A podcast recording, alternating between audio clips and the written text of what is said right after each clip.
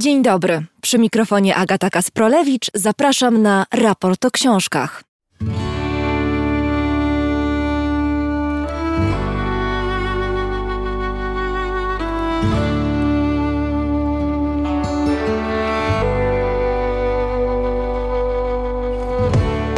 W roli głównej tego odcinka literackiego raportu John Maxwell Coetzee. Jego nowa powieść zatytułowana Polak. Powieściowym Polakiem jest pianista Witold Walczykiewicz.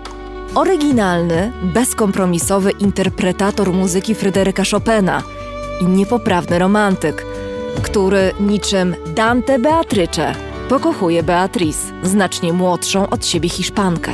I choć ten opis może świadczyć o tym, że południowoafrykański noblista napisał gorący romans, to Polak jest lodowatą dekonstrukcją mitu miłości romantycznej.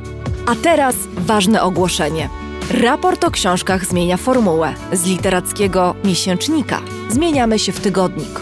Mam nadzieję, że te częstsze spotkania będą okazją do jeszcze bardziej pogłębionych rozmów o literaturze.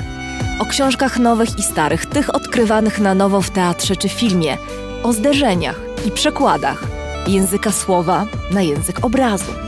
Raport może się rozwijać, bo ma najlepszych słuchaczy na świecie. To dzięki Państwu możemy realizować nowe projekty i nowe pomysły. Jeśli ktoś chciałby dołączyć do grona patronów, najłatwiej zrobić to za pośrednictwem portalu patronite.pl, gdzie znajduje się profil Dariusza Rosiaka. Program realizuje Chris Wawrzak w studiu Efektura w Warszawie. Zapraszam.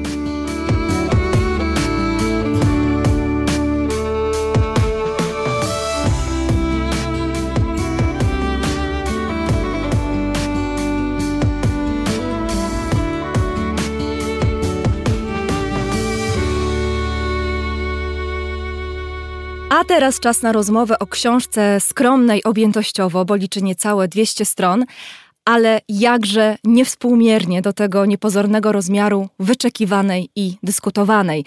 Dzieje się tak zawsze, kiedy pojawia się nowy tytuł, nowa powieść pisarza bądź pisarki nagrodzonych Noblem, a szczególnie kiedy ta jakże prestiżowa nagroda literacka nie jest jednak jedyną miarą talentu tego twórcy, bo tak z pewnością jest w tym wypadku prawdziwą miarą wielkości tego autora są jego wybitne, mistrzowskie powieści. John Maxwell Coetzee, o nim mowa, a tytuł jego nowej książki brzmi Polak. Do rozmowy zaprosiłam Agezano, tłumaczkę, która przełożyła z języka angielskiego na język polski Polaka. Dzień dobry. Cześć, dzień dobry. I Justynę Sobolewską, krytyczkę literacką, dziennikarkę tygodnika Polityka. Dzień, Dzień dobry. dobry. Bardzo dziękuję, że znalazłyście czas na tę rozmowę. I tak sobie myślę, że mogłabym do tego mojego krótkiego wstępu dodać jeszcze to, że powieść, czy też może należałoby powiedzieć mini powieść, tak bardzo skromna objętościowo jest jakże bogata w nawiązania literackie i nie tylko literackie. To najbardziej oczywiste. To historia miłosna Dantego i Beatrycze e, z boskiej komedii. Dante to powieści Kuciego polski pianista, odważny, bezkompromisowy, można powiedzieć, interpretator Chopina, mężczyzna ponad 70-letni Witold Walczykiewicz. A Beatrycze to znacznie młodsza od niego 50-letnia kobieta o imieniu Beatrice. Poznają się, kiedy Witold daje koncert w Barcelonie, koncert współorganizowany przez Beatrice. I bardzo szybko, ku zaskoczeniu czytelników i być może jeszcze większemu zaskoczeniu Beatrice, Witold wyznaje jej uczucie. Dziwne, moim zdaniem, nawet może dziwaczne, niezrozumiałe, nieadekwatne uczucie, zrozumienia którego nie ułatwia czytelnikowi autor, bo książka napisana jest niezwykle oszczędnie, minimalistycznie. To styl zimny, można wręcz powiedzieć lodowaty. I od tego chciałabym zacząć naszą rozmowę. Pierwsze pytanie kierując do Agi Zano. Chciałam Cię, Aga, zapytać, jaka to była praca dla tłumaczki z tekstem tak prostym i nie mogę tutaj nie zapytać y, Cię o porównanie tej pracy z powieścią, którą niedawno przekładałaś, czyli Rodzinę Netanyahu Joshua mhm. Coena, która jest totalnym przeciwieństwem tej książki Kuciego, bo powieścią przesyconą językiem, przesyconą bogactwem językowym, taką rozgadaną językowo w najlepszym tego słowa znaczeniu. A wiesz co, ja tłumaczyłam jedną po drugiej. O, Więc tak mi się wydaje teraz, jak próbuję sobie to przypomnieć, więc e, no rzeczywiście był to duży kontrast, ale kontrast bardzo przyjemny, zwłaszcza, że to, co łączy tych dwóch autorów, to jest to, że obaj mają fantastyczny warsztat, co nie da się powiedzieć, czego nie da się powiedzieć nawet o każdym, o każdej pisarce, pisarzu tej miary.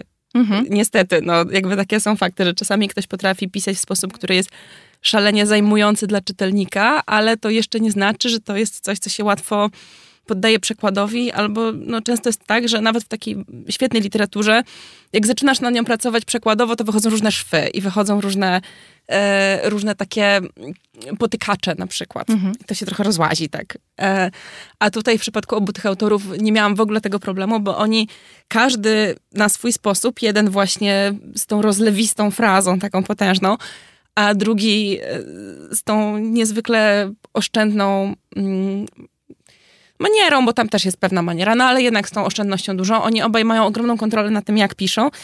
Więc warsztatowo było to po prostu jedno i drugie było bardzo przyjemne dzięki temu. I przy takich książkach się odpoczywa. I też bardzo dobrze jest mieć taki kontrast, kiedy się pracuje w przekładzie. Bo pamiętajmy, że jednym z największych zagrożeń przekładu jest to, żeby tego przekładu nie powielać. Po pierwsze nie powielać, po mhm. drugie nie nasycać swoją wrażliwością za bardzo, bo trochę oczywiście, że to zrobimy, ale żeby nie przesadzać, żeby tam nie było jednak więcej tłumacza niż autora. A po trzecie, e, zawsze też jest to tak, że jeżeli pracujesz nad jakąś książką przez kilka miesięcy, to zaczynasz trochę gadać tym autorem, jakby to jest proces obustronny. Autor gada tobą, ty gadasz autorem i e, jeżeli trafiłaby mi się po tej książce, na przykład właśnie po pokołanie druga książka podobna, no to bardzo możliwe, że one by gdzieś tam wypadły podobnie, bo miałabym już jakieś swoje rozwiązania, swoje strategie, które bym zaczęła gdzieś tam powielać, więc bardzo dobrze jest, kiedy masz, wiesz, coś takiego na oczyszczenie podniebienia, co jest zupełnie inne. I wtedy wszystkie twoje rozwiązania, które wypracowałaś, wszystkie te twoje mm, jakieś wrażliwości, które ci się wykształciły literacko w trakcie, cały ten słuch, który ci się uwrażliwił na jedną, na jedną rzecz, a nie na inną, to wszystko idzie do kosza. To wszystko po prostu przestaje ci być w ogóle potrzebne i teraz inne mięśnie po prostu muszą się gdzieś tam uruchomić, więc ta praca była, no, to było bardzo fajne. Ja tak sobie myślę, że taki język prosty, taki mhm. język minimalistyczny pozornie jest prostszy w przekładzie, no bo rzeczywiście jak sobie przypomnę te zdania y, Joshua Coena, które ciągnęły się na kilka stron czasami. I ta wieloznaczność czasami e, fraz, zdań, słów. E, Tam wieloznaczność, to znajdź przysłówek tak, w tym zdaniu no albo więc przydawkę. o to chodzi. O to chodzi, zresztą rozmawiałyśmy o tym e, w mhm. innym odcinku raportu o książkach w zeszłym roku, ale pozornie chyba ten prosty język jest językiem prostszym do przekładu. Bardzo ciekawą rzecz John Banville napisał w swojej recenzji do Guardiana, napisał, że język, w jakim Polak został napisany, jest pokryty lodem, ale wyczuwamy rwące potoki płynące pod jego powierzchnią. To jest chyba siła, jeżeli chodzi o tą warstwę językową tej książki, prawda, Justyna no Sobolewska? No, tak, bo to jest e, w ogóle bardzo jest ciekawe, jaki to jest spójny pisarz, bo nie, jest nie, właściwie niewielu. Nie, mówi się, że pisarze mają swój jeden temat i że piszą ciągle jedną książkę, ale u, u Kuciego to rzeczywiście jest tak, że on ciągle wraca właśnie do tematu pożądania. Mhm. I to od różnych stron to y, próbuje podgryźć. E, w Powolnym Człowieku jest taki obraz właśnie Swajdrosa, obraz woźnicy rozumu, który kieruje właśnie tymi wyższymi namiętnościami i niskimi. I musi to utrzymać w ryzach. I on właśnie ciągle od hańby mówi o tym pożądaniu w, i, o, i o winie, jaką jest obciążone pożądanie. Ale bardzo różnie to rozgrywa w, róż, w różnych książkach, mhm. bo czasami się okazuje właśnie, że to jest wina białego człowieka, e, tak jak właśnie w Hańbie, że to jest też wina mężczyzny, który wykorzystuje kobietę. Tam jest ten sędzia. Nie, to było w, czekając na barbarzyńców, jest sędzia, który właśnie po prostu zniewala kobietę i ma nad nią władzę. E, więc to pożądanie jest często tą siłą destrukcyjną, która powoduje poczucie winy. Ale w innych jego książkach pojawia się to pożądanie, które ratuje coś które jest jedyną siłą, która ma, może się przeciwstawić e, takiej no, starczej, zamrożeniu starczemu, takiej też moralizatorstwu. Część jego książek jest strasznie moralizatorska, gdzie on tam właśnie rozwija, jest taki e, e, zapiski ze złego roku, które są pełne rozmaitych takich, jakby on się chciał zmierzyć ze współczesnym światem, ale tam też jest ten, ten wątek pożądania, który jakoś próbuje ratować tego bohatera. No i tutaj, tutaj znowu Znowu mamy historię miłosną, która oczywiście właśnie, czy to jest historia miłosna? Od której strony? od którego bohatera? Czy ona jest wiarygodna, czy niewiarygodna? Ta narracja jest prowadzona od strony Beatrice. Więc właśnie to jest bardzo znaczące, mhm. że my tego Walczykiewicza, który zresztą ma na imię Witold, myślę, że to jest znaczące, bo e, Kutsi e, zna polską literaturę. Myślę, że tutaj Witold to jednak jest z Gombrowiczem połączony. Nie charakterologicznie, ale jako ten, ta figura Polaka. Zresztą podobno istnieje pianista Walczykiewicz. Proszę bardzo. Także... Zresztą ciekawe też połączenie rzeczywiście Kucjego z Polską, bo dziadek Kucjego był Polakiem, zresztą zdaje się, że pierwszym afrykanerskim pisarzem, więc tutaj rzeczywiście jest ten wątek rodzinny, ale ciekawe, że powiedziałaś o pożądaniu, bo jak się czyta tę książkę napisaną tym lodowatym y, językiem, no to pożądanie być może jest jednym z ostatnich słów, które przychodzi y, do głowy. Zresztą ciekawe, bo mam w ręku egzemplarz Polaka i napisane jest tak. Mistrz Kucji o miłości i namiętności. No znów takie słowa, które y, jakoś chyba mijają się z tym, o czym Kucji pisze, ale też ciekawa rzeczywiście spójność tematyczna, u Kuciego, wspomniałaś o hańbie i rzeczywiście w hańbie mamy figurę mężczyzny predatora, prawda? Mężczyzny, który wykorzystuje to młode kobiece ciało jako taki swój, nie wiem, eliksir młodości, napój młodości, by walczyć z własną starością. Tutaj nie wiemy zbyt wiele o motywach Polaka, Witolda, bo rzeczywiście Kucji bardzo oszczędnie pisze, ale ciekawe jest to, że tutaj jest też taki wątek, uprzedmiotowienia kobiety, uprzedmiotowienia kobiety w tym znaczeniu miłości romantycznej. Coś, co w literaturze rzeczywiście opiewane jest jako, jako jedno z najpiękniejszych uczuć, jeden z najpiękniejszych stanów. Tutaj następuje no, dość brutalna dekonstrukcja, prawda? Tak, no właśnie, ponieważ to jest jej narracja. Właśnie mhm. ten narrator tu jest bardzo ważny, ta narratorka. Bo my całą tę historię mamy podaną od jej strony. I to jest bardzo ciekawe w tym sensie właśnie, że ona tej miłości w ogóle nie potrzebuje. I to jest świetnie, e, świetnie pokazane, że ktoś cię czymś obdarza, zarzuca coś na ciebie, ale czy to jest, czy my tego potrzebujemy? Czy my tego chcemy? Ona tego nie chce. Co Przynajmniej więcej, na początku, bo to się, ta historia się rozwija, ale że y, w tym sensie on jakby właśnie daje taką deziluzję miłości, mm -hmm. która jest jakimś czymś zewnętrznym i, i też e, właśnie nie do końca chcianym. I nie do końca chcianym. Przez podmiotkę. I nie do końca, no właśnie. Ja nie wiem, jakiego słowa tutaj użyć. Prawdziwym, autentycznym, nie wiem. Może to nie są dobre, dobre określenia tego, ale zastanawiam się i nad tym też Beatrice się zastanawia w powieści. Za co ten Polak, ten Witold mnie kocha, skoro on mnie nie zna. Czy on kocha Beatrice, czy on kocha fantazję swoją, prawda? I to jest to uprzedmiotowienie. Którymś, ona się tam w którymś momencie zastanawia, w ogóle tej rozkminy czasami czasami w ogóle te rozkminy są super, bo mm, w tej książce w ogóle Kucji bardzo często nawet nie, że balansuje na granicy kiczu, tylko, tylko w ten kicz wchodzi bardzo chętnie obiema nogami. E, żeby po prostu też pewne rzeczy właśnie rozebrać i, mm, i zupełnie właśnie roz, gdzieś tam wypatroszyć. E, I ona w którymś momencie właśnie bardzo fajnie zwraca na to uwagę, że a gdyby to ta moja koleżanka, która miała z nim iść na kolację, by poszła na tę kolację, to czy zakochałby się w mojej koleżance? I stwierdza, że no być może tak, bo w sumie mm, co on może o mnie wiedzieć, jak on może mnie znać i właściwie cała ta jego miłość jest po prostu tym, że miał być może w tym swoim samotnym dosyć życiu starszego człowieka ostatnią szansę, w której zetknął się z jakąś młodszą od siebie kobietą atrakcyjną i miał szansę jeszcze jakąś kobietę wynieść na piedestał, tak? Więc hip hip hura, trzeba to zrobić, póki, póki jeszcze jest kogo wynosić na ten piedestał, więc i ona tutaj w ogóle nie ma żadnych złudzeń tak naprawdę w żadnym momencie do siebie, że ona najbardziej sobie ceni swój wolny czas, ona sobie najbardziej ceni swój święty spokój, a to, że to teraz ktoś będzie za nią łaził i jej zawracał głowę i, i robił z niej coś, czym ona nie jest, jest dla niej szalenie irytujące i też takie wytrącające z równowagi, no bo ona nie rozumie o co chodzi, a chciałaby jednak zrozumieć, dlaczego, o co, co tam się wydarzyło, dlaczego ja. No wiadomo, że to są rzeczy, które nawet jeżeli sobie ich nie życzymy, to kiedy na nas spływa taka uwaga i to jest uwaga, y, no wiadomo, no taka właśnie trochę podszyta, nawet nie trochę, ale podszyta dziś przemocą.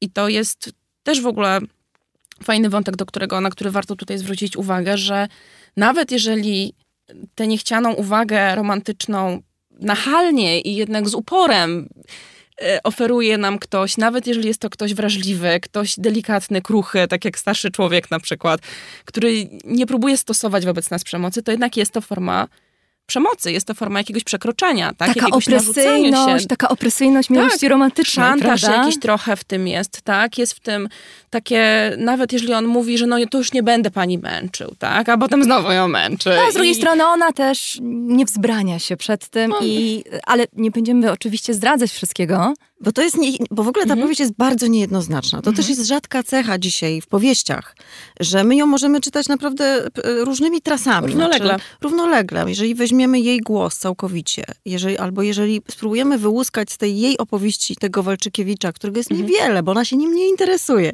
Że mi było trochę brak tego Walczykiewicza, że on ma jakąś historię swoją, ciekawą, ale to nie jest dla niej, dla narratorki interesujące.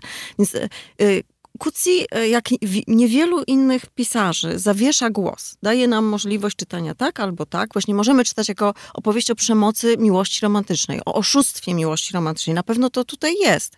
I to jest taka linia deziluzji od Barta, od fragmentów dyskursu miłosnego, takiej zbrojne ramię Afrodyty, że coś po prostu bierze, ale to jest oszustwo. Znaczy, że y, trzeba to po prostu rozmontować, żeby zobaczyć, e, e, czym to jest, jak, jakim rodzajem przemocy, e, właśnie jakiejś destrukcji. Miłość jest destrukcyjna. E, Tak było Barta, ale mm, że u niego ten, ten moment deziluzji jest bardzo wyraźny. Ale z drugiej strony, no właśnie tam się dzieje coś takiego, że, y, no, że ona wchodzi poprzez, i tu jest bardzo ciekawe i właściwie do ciebie pytanie, bo ty Mhm. nagle musiałaś zacząć tłumaczyć poezję. Mhm. Tam jest ten fragment całych jego utworów e, e, poetyckich. E, Z to- braku lepszego słowa, tak. E, Tak, e, bo z jednej strony podane jest to jako zła poezja, ale Mhm. Czy my wierzymy całkowicie tej narratorce? Czy to nie jest tak, że on właśnie zawiesza głos i e, wszyscy mogą tutaj dyskutować o czymś, co jest czymś innym? Zależy od punktu widzenia. No w każdym razie zderzyła się z innym Mhm. tutaj tekstem.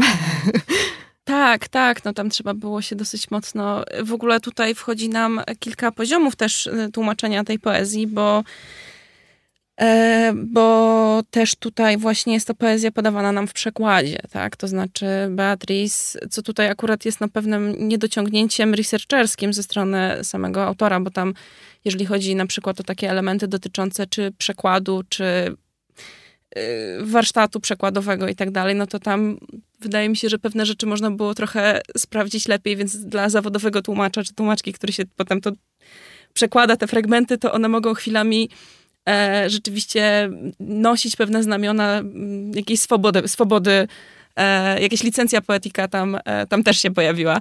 Natomiast te wiersze są tłumaczone w książce e, z polskiego na hiszpański. Przez I- tłumaczkę, która poezją, ani w ogóle się w ogóle literaturą zajmuje, piękną tak. się nie zajmuje, więc te wszystkie uchybienia chyba też musiałaś jakoś wziąć pod uwagę, Tak, prawda? bo to jest osoba, te, te wiersze w ogóle tłumaczy z, na polski, z polskiego na hiszpański właśnie osoba, która ani na poezji się nie zna, ani nie zajmowała się nią nigdy. Y, Wrażliwość jakąś tam ma, ale też bez przesady. Pracuje więc w biurze podróży chyba, To tak? w ogóle jest... Tak, więc jest to zaskakujący, był to dla mnie, dla mnie wątek, no ale, e, ale jakby sam fakt, że tego tyle tam jest, to też dla mnie, jako dla tłumaczki już zawodowej, a nie, e, a nie tej wymyślonej, było fajną też, fajnym zadaniem, bo trzeba tam było rzeczywiście wejść na kilka, mm, na kilka poziomów jakiegoś meta przekładu, bo nie możesz go tłumaczyć tak, jak ty tłumaczysz, tylko musisz pamiętać, że to jest tłumaczenie z tłumaczenia, które w dodatku tłumaczyła osoba, która no, nie do końca się na tym zna, więc y, idziemy tutaj głęboko znowu. A do tego jeszcze tą polską Mhm. frazę tych słabych wierszy wyobrażał sobie Tak. e, pisarz anglojęzyczny. Tak, i jeszcze to. przez to na przykład też czasami w tych wielościach tłumaczeń na przykład gubią się jakieś zmyślone polskie idiomy. Albo jakieś zmyślone polskie nawiązania, więc zresztą no Kucin konfabuluje tak, jakby to, to nie pierwszy raz zresztą, więc jakby e, też jest to jakiś rodzaj zabawy z jego strony, że, że tam się pojawiają te konfabulacje, te ściemy, tam e, to nie jest totalnie wiarygodne, e, co się tam dzieje, co jest też wyzwaniem dla tłumacza, ale też no, fajną zabawą. To jest, mhm. to jest też zabawa, że właśnie można, można gdzieś w to wejść, w te różne poziomy wrażliwości, które są zarówno w tych wierszach, których jak i w wypowiedziach samego Walczekiewicza, który też mówi po angielsku i nie mówi po angielsku doskonale. On odrobinę ten angielski kaleczy i w ogóle to jest zawsze wielka przyjemność dla mnie translatorsko tłumaczyć coś, co tłumaczyć osoby, które nie mówią doskonale po angielsku. Już pomijam stylizację na jakieś tam, nie wiem, gwary, nie gwary, dialekty, nie, nie dialekty i inne takie rzeczy, ale sam ten proces kaleczenia języka przez osobę, która nie posługuje się nim jako językiem pierwszym, to jest coś, co jest ogromną przyjemnością translatorską, bo mm, robić błędy trzeba umieć. I żeby pisać źle, czy żeby, nie źle, ale żeby pisać z błędami, to trzeba doskonale znać mechanik, mechanikę powstawania błędów. A to nie jest takie proste i to nie jest tak, że błąd można sobie wymyślić, więc to na przykład też jest duża, duża przyjemność, zarówno w tych wierszach, jakieś te takie potknięcia, czy nie, niezręczności, które wynikały być może właśnie z warsztatu tej tłumaczki, a być może z warsztatu samego mm, pianisty, który tutaj bawił się w poetę, więc na tym poziomie to też jest e, fajna zabawa. Plus no, sama też wrażliwość właśnie tych osób, która jest tak zupełnie, zupełnie inna. Jeden z moich ulubionych fragmentów to jest jak e, Beatrice wybiera się mm, z Walczykiewiczem na spacer i idą przez jakąś piękną e, okolicę, chyba na Majorce właśnie i no i ona tak patrzy na ten świat, no i tak jest... No i idą sobie, idą jakąś tam drogą, no i e, jest pięknie, no niebo niebieskie, liście się złocą i tak dalej. I to jest całe jej wrażenie z tego. Tak, tak. Wiecie, właśnie, cały ten romantyzm, no tak. i tak dalej. Tak dalej. Te wszystkie Ona... rzeczy, które tam powinny być, to one tam chyba są, nie interesuje mnie, to to jest jej perspektywa. No właśnie, jej perspektywa, to jest strasznie fajne, że on jakby tworzy mhm. taką perspektywę jej, która jest y, właśnie też niewystarczająca często, mhm. czy jakby bardzo ograniczona. Ona się nie dopina z tym, nie dopina co się, tam być. Tak, tak, ale to, to i, no i ta wielopoziomowość tych wierszy też jest świetna. Na przykład ona się tam zachwyca jakimś fragmentem, który jest dosyć żenujący, mhm. akurat w tych wierszach, jeden z tych, y, z tych wierszy. Natomiast y, no właśnie cały ten, ten zabieg z tym, że on pod koniec życia życia. Nagle pisze ten poemat do niej i widzimy takie właśnie jakieś smutne życie bardzo, jakieś nieudane. Ta córka, która wyrzuca jego rzeczy, urna, która się tam pęta. I, i on jakby ocaleniem jego jest, ja, ja tak właśnie tak to, to, to, to czytałam, że nagle ten pisanie tego poematu czyli że ten impuls, który uruchomiła Beatrice, jakoś ocalił w ogóle sens jego życia, które było mhm. totalnie nieudane, bo on nie był dobrym pianistą. Akurat tutaj chyba Beatrice miała mhm. rację, że był takim odtwórczym i miał jakąś tam rolę w tej Polsce, coś tam był jakimś opozycjonistą, nic o tym nie wiemy, tylko tam się gdzieś to w tle pojawia, ale że to wszystko jakby było w jego e, postrzeganiu nieudane, bez sensu i tylko ten poemat, który być może też jest nieudany i bez sensu, ale że mu jakoś ratował to życie. Ciekawe jest to, co mówisz też o takich e, lukach, które w tej narracji pozostawiają czytelnika mhm. trochę w ciemności, e, trochę w jakiejś dezorientacji, bo rzeczywiście cała ta historia opowiedziana jest e, z perspektywy Beatrice, z perspektywy tej Beatrycze ukochanej i uwielbianej. A z jego strony, ze strony Witolda, mamy pewnego rodzaju pustkę, ja sobie też myślę i w ogóle dużo z tego, co powiedziałyście wcześniej, wskazuje na to, i to też była chyba jedna z takich moich pierwszych refleksji, że to jest książka o języku i o tym, jak język jest ograniczający, niewystarczający w naszych próbach skomunikowania się i wyrażenia tego, o co nam chodzi, kim my jesteśmy, bo rzeczywiście możemy jednym tropem pójść, i to zrobiłyśmy na początku, mówiąc o tym, że to jest taka dekonstrukcja mitu miłości romantycznej, e, że ta miłość romantyczna przedstawiona jest jako pewnego rodzaju opresja, czy nawet przemoc, ale z drugiej strony to jest być może historia o mężczyźnie, który kompletnie nie potrafił wypowiedzieć, wyrazić ani poprzez muzykę, ani poprzez język tego, co on w środku czuje. I tutaj znów takie nawiązanie do hańby, bo nie ukrywam, że po przeczytaniu Polaka, to jest lektura bardzo krótka, w takim niedosycie zostałam i chwyciłam po hańbę, przeczytałam ją jeszcze raz. Zresztą hańba to chyba najbardziej znana książka Kuciego, przełożona na język filmu, John Markowicz w, w roli głównej. I na samym początku, bo to jest ósma strona, jest taki fragment, który jeśli pozwolicie, to przytoczę. I jeszcze, y, głównym bohaterem hańby jest wykładowca akademicki, który w momencie, kiedy fabuła się rozpoczyna, prowadzi zajęcia z komunikacji społecznej. To dosyć ważne. A fragment ten brzmi tak. Chociaż dzień w dzień poświęca całe godziny tej swojej nowej dziedzinie, absurdalna mu się wydaje jej podstawowa maksyma, sformułowana w podręczniku, którym posługuje się na zajęciach z grupą 101. Społeczeństwo ludzkie stworzyło język, żebyśmy mogli komunikować sobie nawzajem swoje myśli, uczucia i zamiary. Sam uważa, choć nie zdradza się z tym poglądem, że mowa ludzka wywodzi się z pieśni, a pieśń z potrzeby wypełnienia dźwiękiem tej nazbyt dużej i dość pustawej przestrzeni, jaką jest dusza człowieka.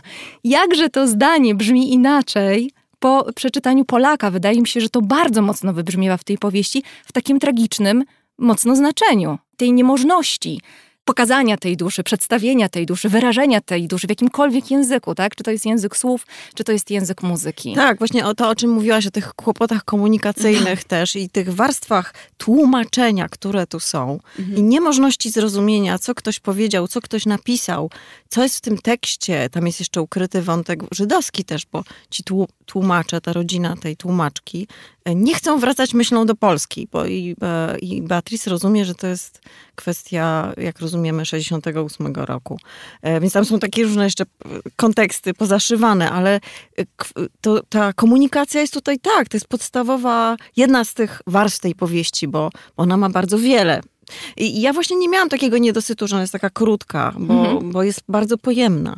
E, ale rzeczywiście jest tak, że ta komunikacja jest cały czas e, zawieszona, jakby niemożliwa. Zwłaszcza między tą dwójką. Po prostu się nie komunikują się kompletnie. Ten mówi coś do niej, a ona jakby i swoim, swoim torem idzie. Ale z drugiej strony, czy ten tekst nie działa, to nie jest do końca e, o braku komunikacji. Ponieważ jednak widzimy, że no, że ten tekst, który ona na początku chce wyrzucić w ogóle i uważasz, po co to komu, że ten tekst w jakiś sposób zadziałał. I w tym sensie to jest też o sile języka, to o ułomności o języka, ale też o Czyli jakby sile. o tym błądzeniu, o tej niemożności, która jest zapisana w komunikacji i w literaturę też, która staje się czymś innym poprzez tłumaczenie.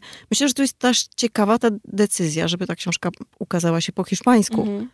Ale czy to nie jest też w pewnym stopniu, ja się nad tym zastanawiałam właśnie, dlaczego tam tak mało tego głosu jest oddane temu mężczyźnie i zobaczmy, że jeżeli czytamy to dalej, trochę tak wrócę sobie jeszcze do tej, mhm.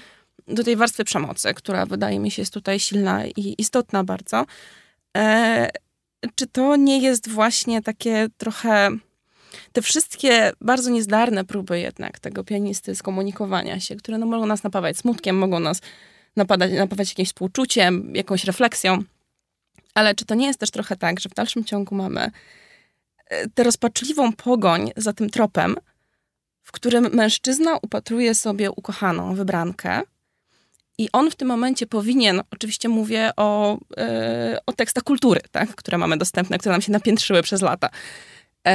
Standardem w tych tekstach kultury jest to, że, przez la, że, że, że ten mężczyzna, który upatrzy sobie tę swoją milczącą zwykle, anonimową, piękną wybrankę, tę swoją Helenę, Beatrycze czy kogoś tam jeszcze, to on w tym momencie, wiecie, nabiera oddechu i on teraz wygłasza siebie i wszystko. I to, skąd on pochodzi, i jak, skąd on się wziął, i jak on teraz chce coś z tym zrobić, i co on ma w środku, i co on ma na zewnątrz, i co on na tę kobietę przeleje, a co ta kobieta daje mu, i tak dalej. No tak jak David I on w hańbie, prawda, Kuciego. Tak, i on będzie po prostu budował to swoje, wiecie, te swoje pałace z tego, to, to imperium, w którym się będzie poruszał. No i na tym jest stworzone, wszystkie teksty kultury na tym polegają, a ta kobieta ma w milczeniu to przyjmować. A tutaj mamy już tego gościa, który wciąż uparcie się trzyma tego schematu, który powinien przecież, i ja nie mówię, że on to robi z złymi intencjami, ale jako figura, to jest figura tego starego, połamanego człowieka, który próbuje się trzymać tego schematu, w którym on powinien zostać dopuszczony do głosu. I on rozpaczliwie próbuje dać jakby jak nie fortepianem, to wierszami, jak nie wierszami, to listami, jak nie listami, to jej płytę wyślę, jak nie płytę, to spotkajmy się, to spacerem, czymś tam. Kolejne sposoby po to, żeby wreszcie zostać wpuszczonym na tę pozycję, na tę, na swoją odwieczną, romantyczną ambonę, z której mógłby wygłosić tę swoją bogactwo swojego wnętrza i tego swojego uczucia, które on sobie wymyślił, że teraz na kogoś przeleje. No to to jest przecież cała, cała nasza tutaj europejska przynajmniej literacko i nie tylko literacko zbudowana jakaś baza, tak, na której to, to tak powinno działać przecież. A tutaj te wszystkie próby kończą się jakimś takim smetnym krakaniem trochę, tak? Bo jak wiersz to kulawy, jak ten Chopin, no to jakiś taki bez uczucia. Jak te wypowiedzi, no to zawsze jakieś koślawe, nie wiadomo o co chodzi z tym idiomem. I czego by nie spróbował, to on już nie ma tego języka, on już nie ma tej pozycji, a ta kobieta może wprost teraz już powiedzieć, wreszcie ta Helena, ta Beatrycze, ta, jego ukochana może wprost powiedzieć, wiesz co, ja sobie tego nie życzę. I ja może nawet się nad tobą zlituję, ale właśnie tak, to będzie z litości, żebyś ty już znalazł ten spokój i się ode mnie odczepił i może nawet nie powinnam ci tego spokoju dawać, ale koniec końców właśnie jestem wtłaczana znowu w tę rolę, w której czuję, że powinnam. I to tak naprawdę właśnie wydaje mi się, że w tej powieści jest dużo więcej takiej warstwy budzącej obrzydzenie, niż to się na pierwszy rzut oka może wydawać. Przy drugim, trzecim, czwartym czytaniu to ona już mniej wzrusza, a jeżeli wzrusza, to w inny sposób. Mhm. I budzi taki pełzający trochę, taki trochę chłodny wstręt, przynajmniej mhm. we mnie. To jest w ogóle bardzo ciekawe, że Kucji y, ma ponad 80 lat. Mhm. Jest to autor już leciwy, powiedzmy sobie to szczerze a ma jakąś niezwykłą przenikliwość społeczną. W 1999 roku hańba została napisana i nagrodzona Bookerem. Jeszcze zanim pojawiło się mi tu, jeszcze zanim ta dyskusja społeczna na temat przemocy wobec kobiet, która została tak świetnie opisana w tej książce, zanim stała się dużym tematem publicystyczno-społeczno-politycznym. Tutaj z kolei to, o czym Aga mówisz, ja się zastanawiam, czy to nie jest tak, że Kucji z jednej strony oddaje ten głos narratorski Beatrice, ale ten głos czy ten gest interpretacyjny oddaje czytelniczkom, bo ja mam wrażenie, że to, czym jest Polak, to jest reinterpretacja miłości romantycznej, to jest reinterpretacja tej pięknej historii Dantego i Beatrycze okiem współczesnej kobiety, która to no, wszystko już wie. Tak, bo Beatrycze nie miała głosu. No właśnie te wszystkie, e, te wszystkie kobiety, które były muzami, mhm. muzami były po prostu martwe, w sensie pozbawione głosu, nieme.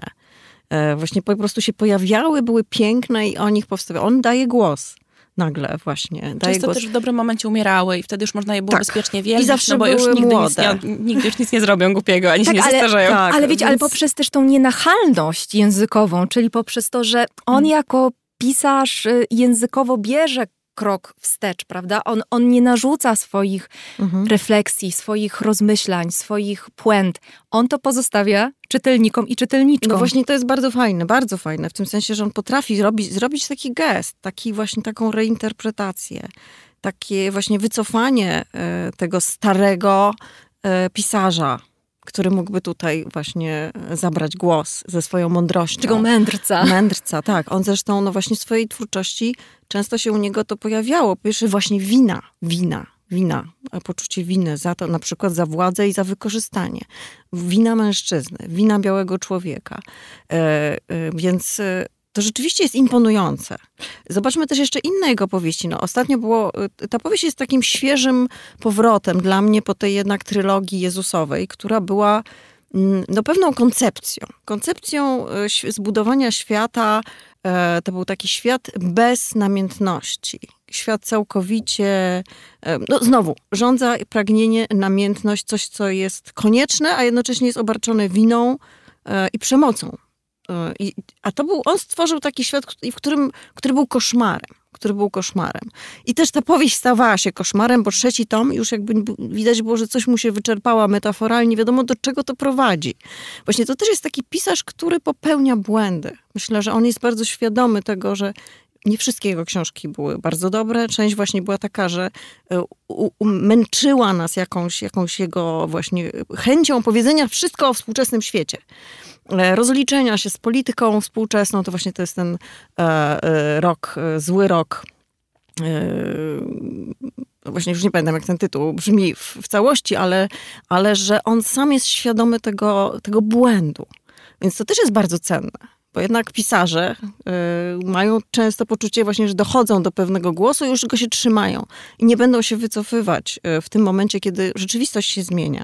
A u niego jest to wycofanie. Jest to oddanie pola E, interpretacją, oddanie pola właśnie temu, żeby, żeby pokazać e, tę sferę ukrytą do tej pory, zdemistyfikować największy mit e, kultury miłości romantycznej. Więc jest to, jest to imponujące i to wszystko na tych niecałych 200 stronach, które właśnie można, można różnie czytać, bo ja bym go troszeczkę jeszcze e, ratowała tego Walczykiewicza, w sensie, mhm. że właśnie ten koniec dla mnie, którego nie zdradzamy oczywiście, ale że że coś tam się, pomimo tych wszystkich tych, e, że mm, coś tam działa. E, Ale ja też nie mówię, wiesz co, że to, że no właśnie, bo to jest taki aspekt, też tutaj weszłam ci trochę Agata w słowo, ale jest to takie, wydaje mi się, że to też jest istotne właśnie, żeby o tym pamiętać, że to, że ktoś stosuje przemoc jakąś tam, bo tutaj jakby no, wracam do tej kategorii, upraszczając to oczywiście, ale to, że ktoś jest obarczony na przykład czymś takim, jeszcze nie znaczy, że ktoś robi to celowo. Albo że ktoś nie ma dobrych intencji, albo że ktoś nie, nie cierpi.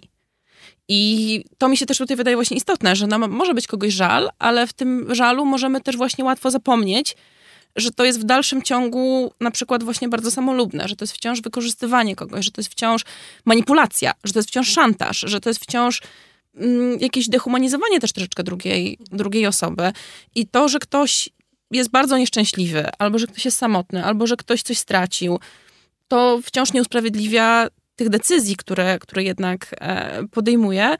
I wiadomo, że można właśnie, właśnie to też jest fajne, no, że można jednocześnie znajdować w sobie współczucie dla tej osoby, ale w tym samym momencie widzimy to nasze własne rozdarcie, tak, że zaczynamy go gdzieś tam na przykład usprawiedliwiać za, za jego no, śliskie zachowania jednak i bardzo niefajne w wielu, wielu miejscach, bardzo nie, nieetyczne jednak. Egoistyczne. Bardzo egoistyczne. Samolubne. Właśnie bardzo samolubne, tak, tak. On I... jakby nie zdaje sobie sprawy, mhm. że, to, że ktoś tego nie chce. Po prostu. Dlaczego? Dlaczego? Jest tak przejęty swoim własnym, swoją własną samotnością, swoją własną tęsknotą czy cierpieniem, że wykorzystuje tę cierpliwość czy tę podatność jakąś drugą osobę na to, żeby spełnić jakąś swoją potrzebę w tym, tak? Wiecie, z drugiej strony ja sobie mhm. myślę, że to też jest ogromna siła tej książki, że Kucji jednak nie miażdży Witolda, tak, on nie miażdży nie, tego Polaka, prawda? Ja na tak. przykład czułam, czytając tę książkę, czytałam raz, więc może przy czwartym e, podejściu miałabym, byłabym bardziej krytyczna, ale ja często czułam, oczywiście zostając w jakimś mhm. dyskomforcie czytelniczym, ale czułam litość. No tak, tak właśnie. Też, prawda? Też, tak. tak wchodzę w tej rolę tej oskarżycielki, tak, ale to też nie... My go tak troszeczkę tak tutaj mówimy, że jednak... Po prostu tak trochę e... chcę jechać na kontrze też, nie? Żeby... nie, no bo właściwie to jest, e, e, no to jest jej narracja, więc my, mhm. ona jest tutaj najbardziej uprawomocniona jeżeli jest narracją wiarygodną. To też jest tak, że u Kuciego nigdy nie wiadomo do końca, kto jest narratorem wiarygodnym, niewiarygodnym. My musimy to jako czytelnicy sobie sami odpowiedzieć na to. No czy my tak. wierzymy Beatrice całkiem, czy ona właśnie czegoś nie przegapia. Myślę, że tu jest jeszcze jednak ciekawy y, w Polsce rezonujący wątek polski. E, bo Kucji to nie tylko nie tylko te korzenie, ale też zainteresowanie polską literaturą. On mhm. E, zajmował się Herbertem i napisał wykład o Herbercie, e, to też jakby tak punktując e, taką posągowość Herberta, że, że jakby Herbert trochę nie nadążył ze swoimi czasami. Teraz sobie przypomniałam ten, ten esej, zresztą tłumaczony na polski, e, bo w pewnym sensie można by znaleźć coś w tym Kucim takiego posągowego też, że on też jest zakorzeniony w rzeczywistości mitycznej, jakby przekład, właśnie czekając na barbarzyńców mamy. Bardzo dużo takie... takich nawiązań do mitologii tak, greckiej, tak, prawda? Tak. Mhm. Ale on jest elastyczny, właśnie o tym tu cały czas mówimy, że on popełniając błędy, czasem się potykając, te właśnie te powieści, które nie spełniają oczekiwań, bo bardzo dużo było takich głosów też krytycznych. Polak też jest tak odbierany, ma bardzo... Jako bardzo ma zróżnicowane recenzje, tak. tak. Ja, ja właśnie, ja bardzo, bardzo cenię tę powieść, bo ona jest tak, tak właśnie elastyczna. Mhm. Natomiast e, ciekawe jest to jego spojrzenie właśnie na przykład na Herberta i gdzieś te, mm, on tu zresztą był, pamiętam tę jego y, wizytę, wtedy chyba na festiwalu Konrada. Kuciego w Polsce. W Polsce, mhm. gdzie wszyscy się zorientowali, że Kucji jest milczkiem. I po prostu to jest człowiek bardzo oszczędny. Tak jak jego styl jest oszczędny, tak yy, jego sposób mówienia jest bardzo oszczędny. To wyzwanie dla osoby prowadzącej spotkanie.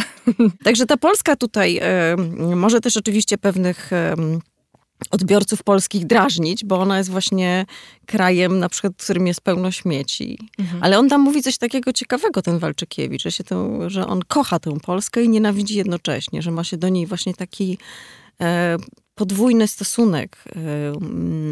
No i jest jakaś jego tajemnicza przeszłość właśnie tutaj związana z tą Polską. Beatrice widzi Polskę, bo przyjeżdża tutaj i bardzo nieciekawie to wygląda z jej, mhm. z jej perspektywy. No ale myślę, że to jest ciekawe, że ta Polska jednak jakoś jest, e, jakoś jest fascynująca. Jest fascynująca i mam wrażenie, że ona jest też synonimem, polskość jest synonimem jakiejś obcości, a wręcz czegoś niemalże egzotycznego dla tej Beatrice. Rzeczywiście polskość jest przedstawiona ciekawie, trochę przewrotnie, ale chyba jeszcze bardziej przewrotnie przedstawiona jest hiszpańskość, katalońskość, jeżeli mogę takiego słowa użyć, jeżeli takie istnieje.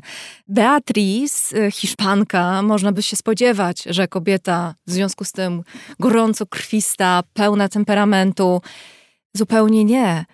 Krajobraz hiszpański jest gdzieś też pod tą warstwą tego językowego lodu, prawda?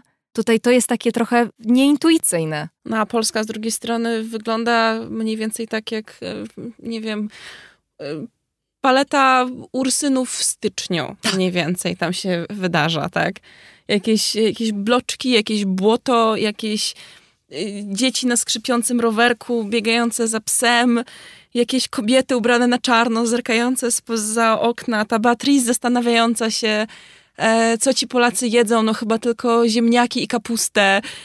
I nie wiem, zagryzają kiełbasą, więc to jest taki obraz, y, no, no nie jest to taki obraz, wiecie, z komedii TVN-u, jaki byśmy chcieli może e, oglądać. Mm. I, ale z drugiej strony, no umówmy się, że Polacy no gdzieś tam sami też te zabawne, bo my sami często właśnie taki obraz siebie gdzieś tam powielamy, tak? Więc e, oczywiście, że jak to tłumaczyłam, to byłam zirytowana, że tutaj nagle po prostu przypominam się, wiecie, koszali lat 90., jak, jak, e, jak tłumaczę te fragmenty.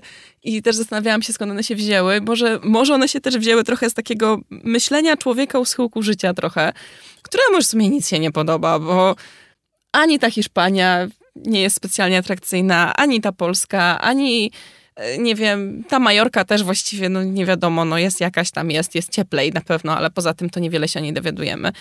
I może tutaj jest po prostu już takie, w wielu miejscach e, też czytam, że no, wielu czytelników gdzieś tam dopatrywało się w tym Walczykiewiczu trochę takiego odbicia samego autora, zarówno jeżeli chodzi o jakąś powierzchowność, jak i o mm, miejsce w życiu, tak? I, I że być może to jest jakaś taka po prostu gorzka próba autoportretu, takiego no dosyć jednak powykręcanego.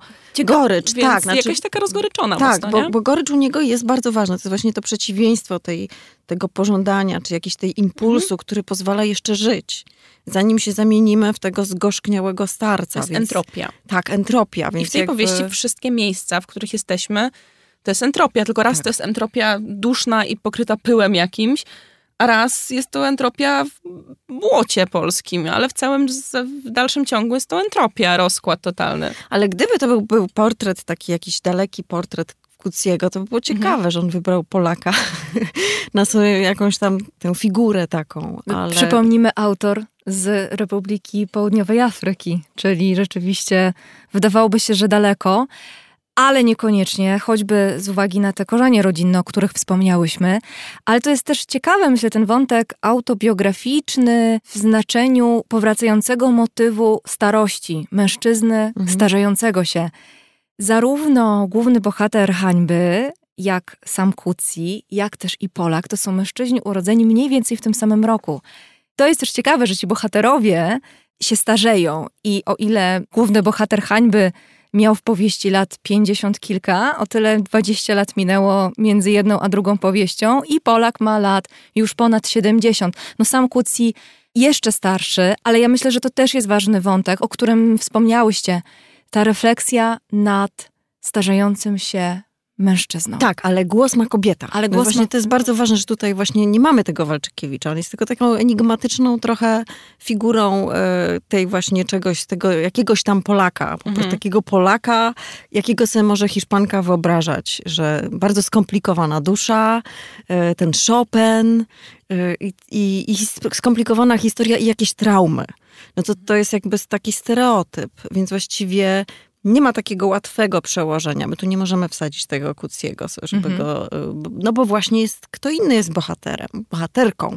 To, to jest bardzo fajny, fajny gest. Ja myślę, że te, też te, jeszcze wracając do tych krajobrazów, że to też jest jakiś brak komunikacji, -hmm. że to rzeczywiście e, to, że, że jesteśmy w tych stereotypach i wszystko nie jest takie jakby jak w stereotypie, e, że ta właśnie Hiszpania jest taka wyblakła, Hiszpanka jest niegorąca. A Polak pisze wiersze. A tak. Polak, no a właśnie Polak pisze wiersze, bo Polacy piszą wiersze. To tu akurat jest coś takiego, że to w tej Polsce to wszyscy piszą wiersze. Ta Polska Chopinowska też, prawda? Ta Polska romantyczna. Tak, ale on, no właśnie, ale on, on, on pisze te złe wiersze, więc to jest ten złamany znowu ten... Ster... I nie umie, tak, pisze nie złe umie. wiersze i nie umie grać Chopina. No. Nie umie grać Chopina i nie umie jej uwieść, nie umie być tym jakimś mm. kimś, kto by porwał ją. Więc jest tu cały czas ten brak komunikacji właśnie i taki, jest jednocześnie zgorzknienie mm. i, i te kłopoty komunikacyjne na każdym poziomie. Ciekawa e, rzecz, o której Justyna wspomniała, że ta książka e, ukazała się w języku hiszpańskim, mm -hmm. zanim ukazała się w języku angielskim. E, ten tytuł oryginalny, więc można powiedzieć, brzmi El Polaco. I to jest też znów spójne z tym, co Kucji myśli o literaturze, prawda? Że on gdzieś tam stara się zwalczać tą dominację języka angielskiego w literaturze bardzo ciekawe, bo nieprzypadkowe, prawda, że on właśnie ten hiszpański wybrał. W ogóle interesuje się literaturą Ameryki Łacińskiej, przede wszystkim literaturą argentyńską, wykłada chyba nawet na ten temat. Dlaczego ten Witold? Wydaje mi się, że tu jest użyty, no bo akurat Witold w tamtym rejonie jest, e, kojarzy się z Polakiem. Tak, to prawda, ten Gombrowicz, prawda, o którym też wspominałyśmy, ale to chyba jest ważne, biorąc pod uwagę, jak język jest istotnym elementem tej opowieści. To jest chyba też coś, co Kucji próbuje nam zakomunikować, że w języku zamknięta jest też pewna wrażliwość i my w związku z tym opowieści nie możemy zamykać tylko i wyłącznie w języku angielskim. To jest takie boksowanie się z tymi ograniczeniami, no a praktycznie takim gestem właśnie jest to, że mhm. El Polaco nie The Paul, e, to jest pierwsza wersja tej książki. No, oczywiście teraz strzelę do własnej bramki, no bo jestem tłumaczką z angielskiego, ale po pierwsze cieszy mnie ten gest, po drugie ogólnie zgadzam się z tym bardzo, bo no właśnie, no nawet, nawet w swoim własnym doświadczeniu tłumaczenia z języka właśnie takiego, a nie innego, e, cieszę się, kiedy mogę przekładać teksty, które nie są mm, tekstami od tej matrycy, wiecie, angielsko-brytyjskiej białej, czy tej amerykańsko-jednolitej jakiejś, tylko, tylko poszukują właśnie tych e, wielokrotności jakichś głosów, czy, czy spiętrzenia różnych e, tożsamości. Natomiast no, w, w tym dyskursie takim najbardziej ogólnym i szerokim, no to wiadomo, no, że ten angielski sposób myślenia, bo to, tak jak powiedziałaś, tu nie chodzi o sam język, tu chodzi o wszystko to, co język ze sobą niesie w tym bagażu. To wszystko po prostu rozwalcowuje nam e, kulturę i wrażliwość. I to jest jak najbardziej prawda. Jeżeli konsumujemy tylko, mm, tylko kulturę, teksty kultury, które pochodzą z jednego mm, uniwersum językowego, nazwijmy to tak, no to siłą rzeczy też nasza wrażliwość zaczyna iść, nastrajać się na jeden ton, tak? I zaczyna y, reagować tylko na jeden rodzaj bodźców. Zresztą też to, w jakim języku coś jest tworzone, to jakby no język też jest pochodną, wiadomo, no, kultury, więc i perspektywy, więc i jakichś tam na przykład postaw politycznych, które są mniej lub lepiej, gorzej lub lepiej widziane.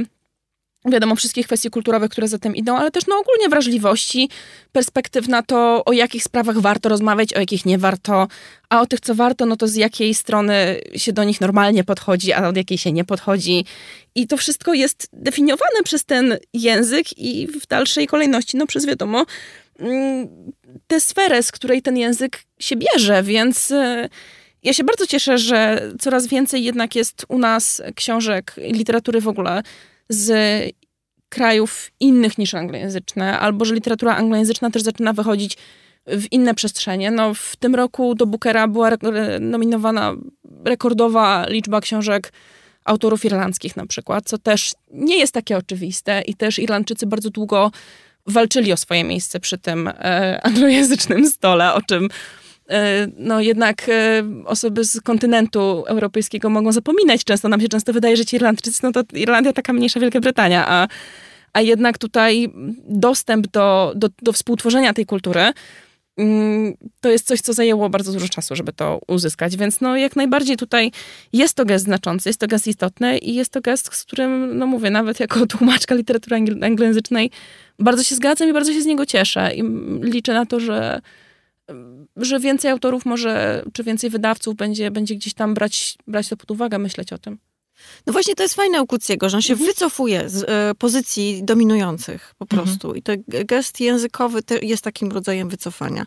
Gest e, właśnie mm, narratorki, kobiety, tego stworzenia słabego głosu męskiego w przeciwieństwie do całej historii literatury po prostu, gdzie mamy mocny głos męski, białego mężczyzny, to, to on, się, on się z tego wycofuje i wycofuje się od początku, jakby biorąc właśnie pod uwagę kwestię winy i tego, co ciąży na nas. Takiego e, piętna winy. Piętna mhm. i, e, i, i to jego wycofanie na różnych poziomach jest bardzo imponujące po prostu, bo e, to wycofanie językowe również jest częścią tego, tej, tej wielkiej nieufności. On nam proponuje nieufność. Nieufność i ona jest na, na, takim bezpośrednim poziomie też, że my mamy wątpliwości, kto tu mówi do nas i e, o co to tutaj chodzi. Mhm. Jesteśmy nieufni, czytamy to. To jest, to jest świetne, bo to jest właśnie literatura, która nam daje możliwość czytania to w bardzo różnoraki sposób. Tak, to jest rzeczywiście imponujące. Imponujące, że pisarz e, już w tak zaawansowanym wieku podejmuje taką próbę, próbę powiedziałabym ryzykowną, i to ryzyko zresztą rzeczywiście odzwierciedlone jest e, w różnorakim odbiorze ze strony krytyki literackiej, bo niektórzy mówią, że to książka słaba, że to mhm. książka manierycznie y, minimalistyczna, że to książka za krótka, zbyt. Y, Nie rozumiem tego argumentu, że za krótka. E, to też jest jakiś taki e, właśnie dominacja anglosaskich wielkich powieści, które muszą mieć 800 stron i e, owszem, to jest ważna część rynku, rynku, a właśnie Kucji jest tym autorem, który nie idzie z wymaganiami rynku, tylko idzie jakby ze swoją drogą, która może być błędna. Właśnie na przykład tego przez trylogię. On poświęcił ileś lat na opisanie tego świata, który zaczynał się ciekawie, a skończył się nie wiadomo jak. Była to porażka. Ale on właśnie idzie, co z tego? Porażka. Mhm. Jakby być może literatura w ogóle jest porażką. Jeżeli na przykład, jeśli chodzi o komunikację, mhm. Jeśli chodzi o porozumienie i e, ten właśnie możliwość rozumienia czyjegoś głosu, więc on jakby idzie tą swoją drogą, e, nie zważając na to, idzie wbrew. Też można powiedzieć wbrew rynkowi, bo to nie jest właśnie też to wydanie po hiszpańsku, to wszystko jakby są takie decyzje, nie rynko, nie, niezyskowne.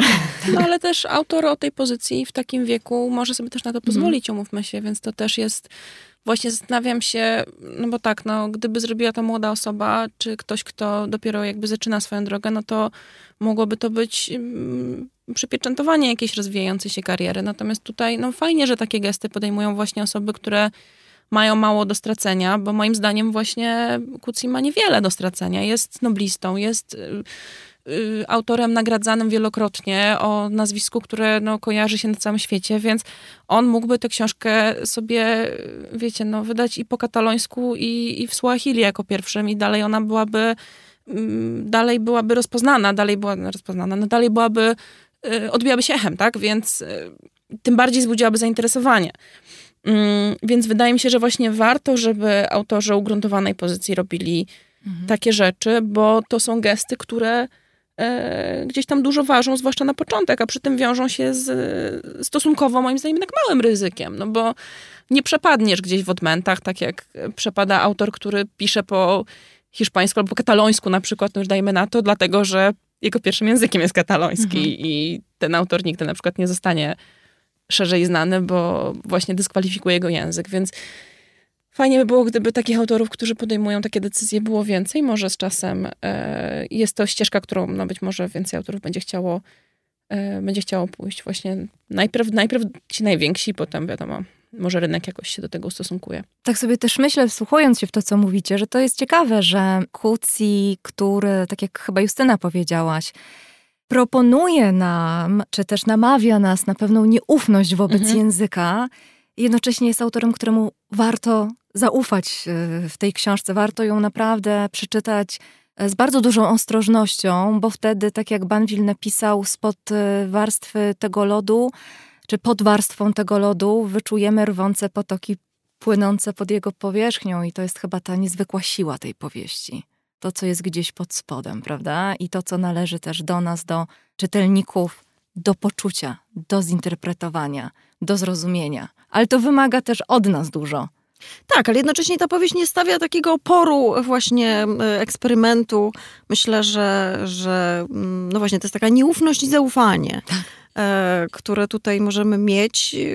Oczywiście można też ją odrzucić i to też jest droga e, czytelniczki i czytelnika, że, że nie chcą jakby wejść w ten, w ten świat, bo po prostu mamy mm, jakby świat zbudowany przez Beatrice, więc jeżeli na przykład ją zanegujemy jako niewiarygodną narratorkę, to może nas może kogoś to odrzucić, ale do, warto, warto, bo to jest tyle warstw. Myślę, że, że, że też nie, nie wszystko tutaj wyczerpałyśmy z poziomów tej, e, tej książki. Cały czas jeszcze myślę o tych językach pobocznych, bo jest takie właśnie zagrożenie tej, e, znaczy ekspansja języka angielskiego jest tak silna, że, że te właśnie małe literatury, w tym też nasza, jakoś to tak bardzo jest, no nie jest to taka przyszłość pewna i jasna, jak to wszystko z tym będzie, z tymi małymi literaturami, małymi językami. Patrząc na, e, mm, na dzieci i młodzież, którzy właściwie się już posługują tylko angielskim i to jest, lepiej się czują w tym języku Ale, niż w polskim. Wiesz, no na angielski też bardzo mało się tłumaczy. I to mhm, jest na tak, przykład też właśnie. kwestia, jest to, nie wiem czy powiedzieć, że to jest problem, chyba jest to problem. No, Myślę, że anglosasi nie, nie widzą tego być może tak bardzo jako problemu, bo też tego nie, nie odczuwają, tak? Jeżeli czasami się na tym zastanawiam, jak to może być właśnie, wiadomo, funkcjonować w języku, który jest językiem, wiesz, globalnie uniwersalnym, w którym tworzone jest wszystko i w którym właściwie nie potrzebujesz, ja znam wiesz, no, osoby dorosłe, anglojęzyczne, wykształcone bardzo, bardzo dobrze, które kompletnie nie pojmują, na czym polega moja praca jako praca tłumaczki kompletnie nie rozumieją, na, jak, jaki sens ma praca tłumacza. E, pytają mnie o najdziwniejsze rzeczy, jakich nigdy nie słyszałam od polskich czytelników. Typu na przykład, że skoro masz tak dużo zleceń, to dlaczego nie założysz biura tłumaczy, nie będziesz innym tłumaczom zlecać, żeby tłumaczyli te twoje książki, a ty będziesz ewentualnie potem je tylko sprawdzać. No to może tak to zrób, tak? Skoro jesteś popularną tłumaczką i masz dużo książek do tłumaczenia i nie rozumieją na przykład roli tej na czym polega na przykład przekład literatury i, i czego wymaga przekład literatury, bo być może nie czytali nigdy żadnej książki w przekładzie. I to naprawdę, albo czytali jedną czy dwie. I nie spotkali się na przykład z różnicą między dobrym a złym przekładem. Nie spotkali się w ogóle z wariacjami przekładu, że jed, na przykład czytali jedną książkę w dwóch, trzech przekładach i dopiero w którymś im się spodobała. To są doświadczenia dla nas tak oczywiste, że nie myślimy o nich jako o czymś komuś nieznanym, tak? A więc właśnie no ta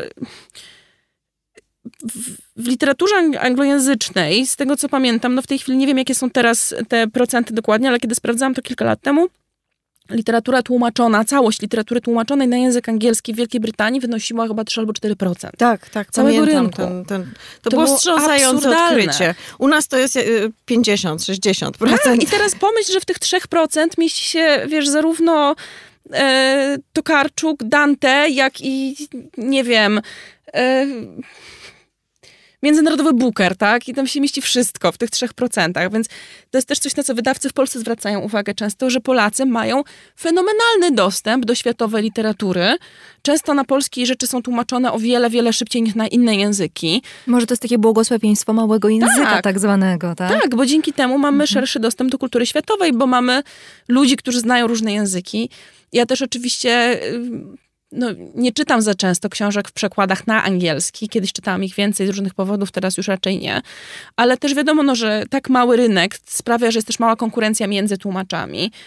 No co też jakby, no to wszystko prowadzi do, do tego samego. To wszystko utrudnia funkcjonowanie tego rynku i, i tej wielojęzyczności już w kulturze. I, i no gdzieś tam jest to nasz przywilej jednak, tak, że możemy, jako mały język, że mamy dostęp do większej ilości I że się nie zamykamy treści, też w tak, tak, hegemonii. Tak. I w anglosaskiej mhm. hegemonii. Ale mamy tutaj... na to szansę, nie? Tak. Jakby znamy ludzi, którzy mówią, e, o ja uwielbiam koreańską literaturę. No i mamy to szczęście, że w tej chwili możemy w Polsce czytać mhm. koreańską literaturę i to najnowszą, tak? Tak, wydawnictwo Tajfuny tutaj. Pozdrawiamy. Ogromne podziękowania za to. A wracając do Kuciego, to mhm. też jest ważne, jego gest, na przykład wykładu o Herbercie, czy w tych późnych esejach, on zajmuje się twórczością właśnie bardzo różnych twórców, nie anglojęzycznych, e, których przeczytał, których, e, którzy są dla niego ważni.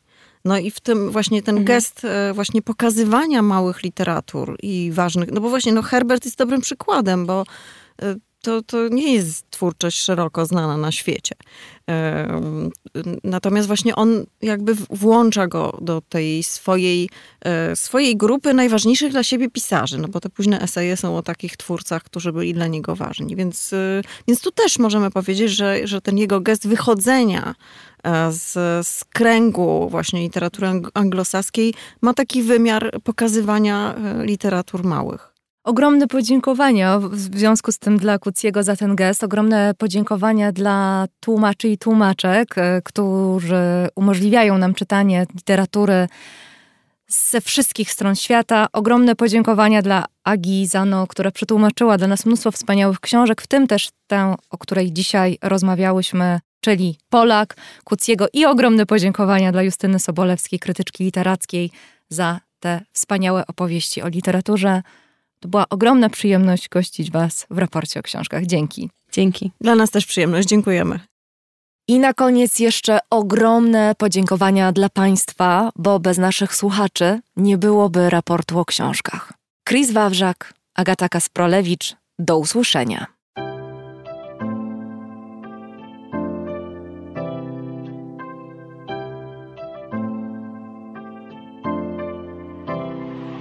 Raport o stanie świata od marca 2020 roku rozwija się dzięki Państwa zaangażowaniu i szczodrości. To dzięki Wam możemy opowiadać o świecie przy pomocy dźwięków. Dzięki Wam ten program jest przygotowywany w profesjonalny sposób z zachowaniem najwyższej jakości, bo na nią właśnie zasługują słuchacze raportu o stanie świata. Z serca dziękuję wszystkim Państwu za wpłaty. Wasza hojność jest dla mnie ogromnym zobowiązaniem Zbiórka na patronite.pl ciągle trwa, zachęcam do udziału.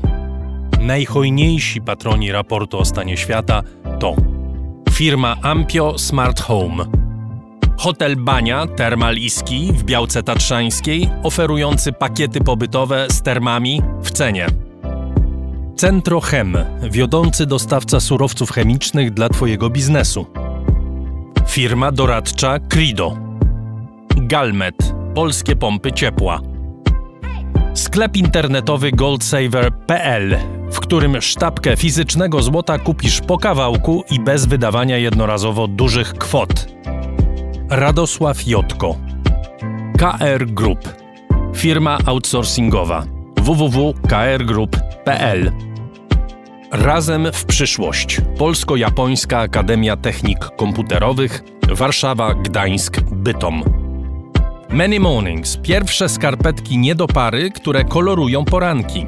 Produkowane z radością w Polsce. manymornings.com Michał Małkiewicz. MBM Legal. Reprezentujemy w sprawach kredytowych z bankami. Dom wydawniczy Muza, bo świat nie jest nam obojętny. Northmaster, marka łodzi motorowych z Polski. www.northmaster.pl Pure Play transparentna agencja mediowa Digital i doradca w budowaniu kompetencji in-house. Firma Software Mill. Od zawsze zdalni programują dla całego świata. Michał Sierakowski, nieznany sprawca tradingowego konkursu akademickiego Ustawka Technologiczna www.thebrawl.eu. Uber. Myślimy globalnie, działamy lokalnie. A także artrage.pl. Kameralna księgarnia z e-bookami. Liceum Błeńskiej Gdańsk-Kowale. Przemyślana edukacja w dobrym miejscu. Piotr Bochnia. Michał Bojko. CIO Net and Digital Excellence. Łączymy ludzi i idee. Grupa brokerska CRB. Ubezpieczenie należności dla Twojej firmy. Bezpłatne porównanie ofert www.grupacrb.pl Crystal Mountain. Luksusowy hotel w Beskidach z niezapomnianym widokiem i aquaparkiem. FDS. Nowoczesne podzespoły do reklamy świetlnej oraz luster podświetlanych. Flexi Project kompleksowy i intuicyjny system do zarządzania projektami i portfelami projektów. JMP z miłości do sportu, z najlepszych tkanin w sercu Podhala szyjemy dla Was porządną odzież. Palarnia kawy La Cafo z Augustowa. LSB Data dedykowane aplikacje internetowe dla biznesu. Masz pomysł? Zrealizujemy go. lsbdata.com Wydawnictwo Uniwersytetu Łódzkiego. Wydawca książek serii Krótkie Wprowadzenie. Wszystko, co trzeba wiedzieć. Nowozelandzkie miody Manuka, MGO Manuka Health. miodymanuka.pl Aplikacja Moja Gazetka. Polska proekologiczna aplikacja zakupowa z gazetkami promocyjnymi i nie tylko. Moja Gazetka. Kupuj mądrze. Firma ODO24. Optymalny kosztowo outsourcing ochrony danych osobowych ODO24.pl. Firma Prosper z Sosnowca, hurtownia elektroenergetyczna i właściciel marki Czystuś. Tixto.pl, niezależny serwis biletowy. Sprzedamy bilety na Twoje wydarzenia kulturalne i sportowe. Drukarnia cyfrowa totem.com.pl. Wspieramy wydawców i self-publisherów. Drukujemy najpiękniejsze książki. Fundacja Wasowskich, opiekująca się spuścizną Jerzego Wasowskiego i wydawca książek Grzegorza Wasowskiego. Szczegóły na wasowscy.com. Michał Wierzbowski. Wayman oprogramowanie wspomagające firmy inżynieryjne w zarządzaniu projektami, stworzone przez polskich inżynierów dla sektora projektowego. www.wayman Software. Zen Market pośrednik w zakupach ze sklepów i aukcji w Japonii. Zen Market JP. Dziękuję bardzo. To dzięki Państwu mamy raport o stanie świata.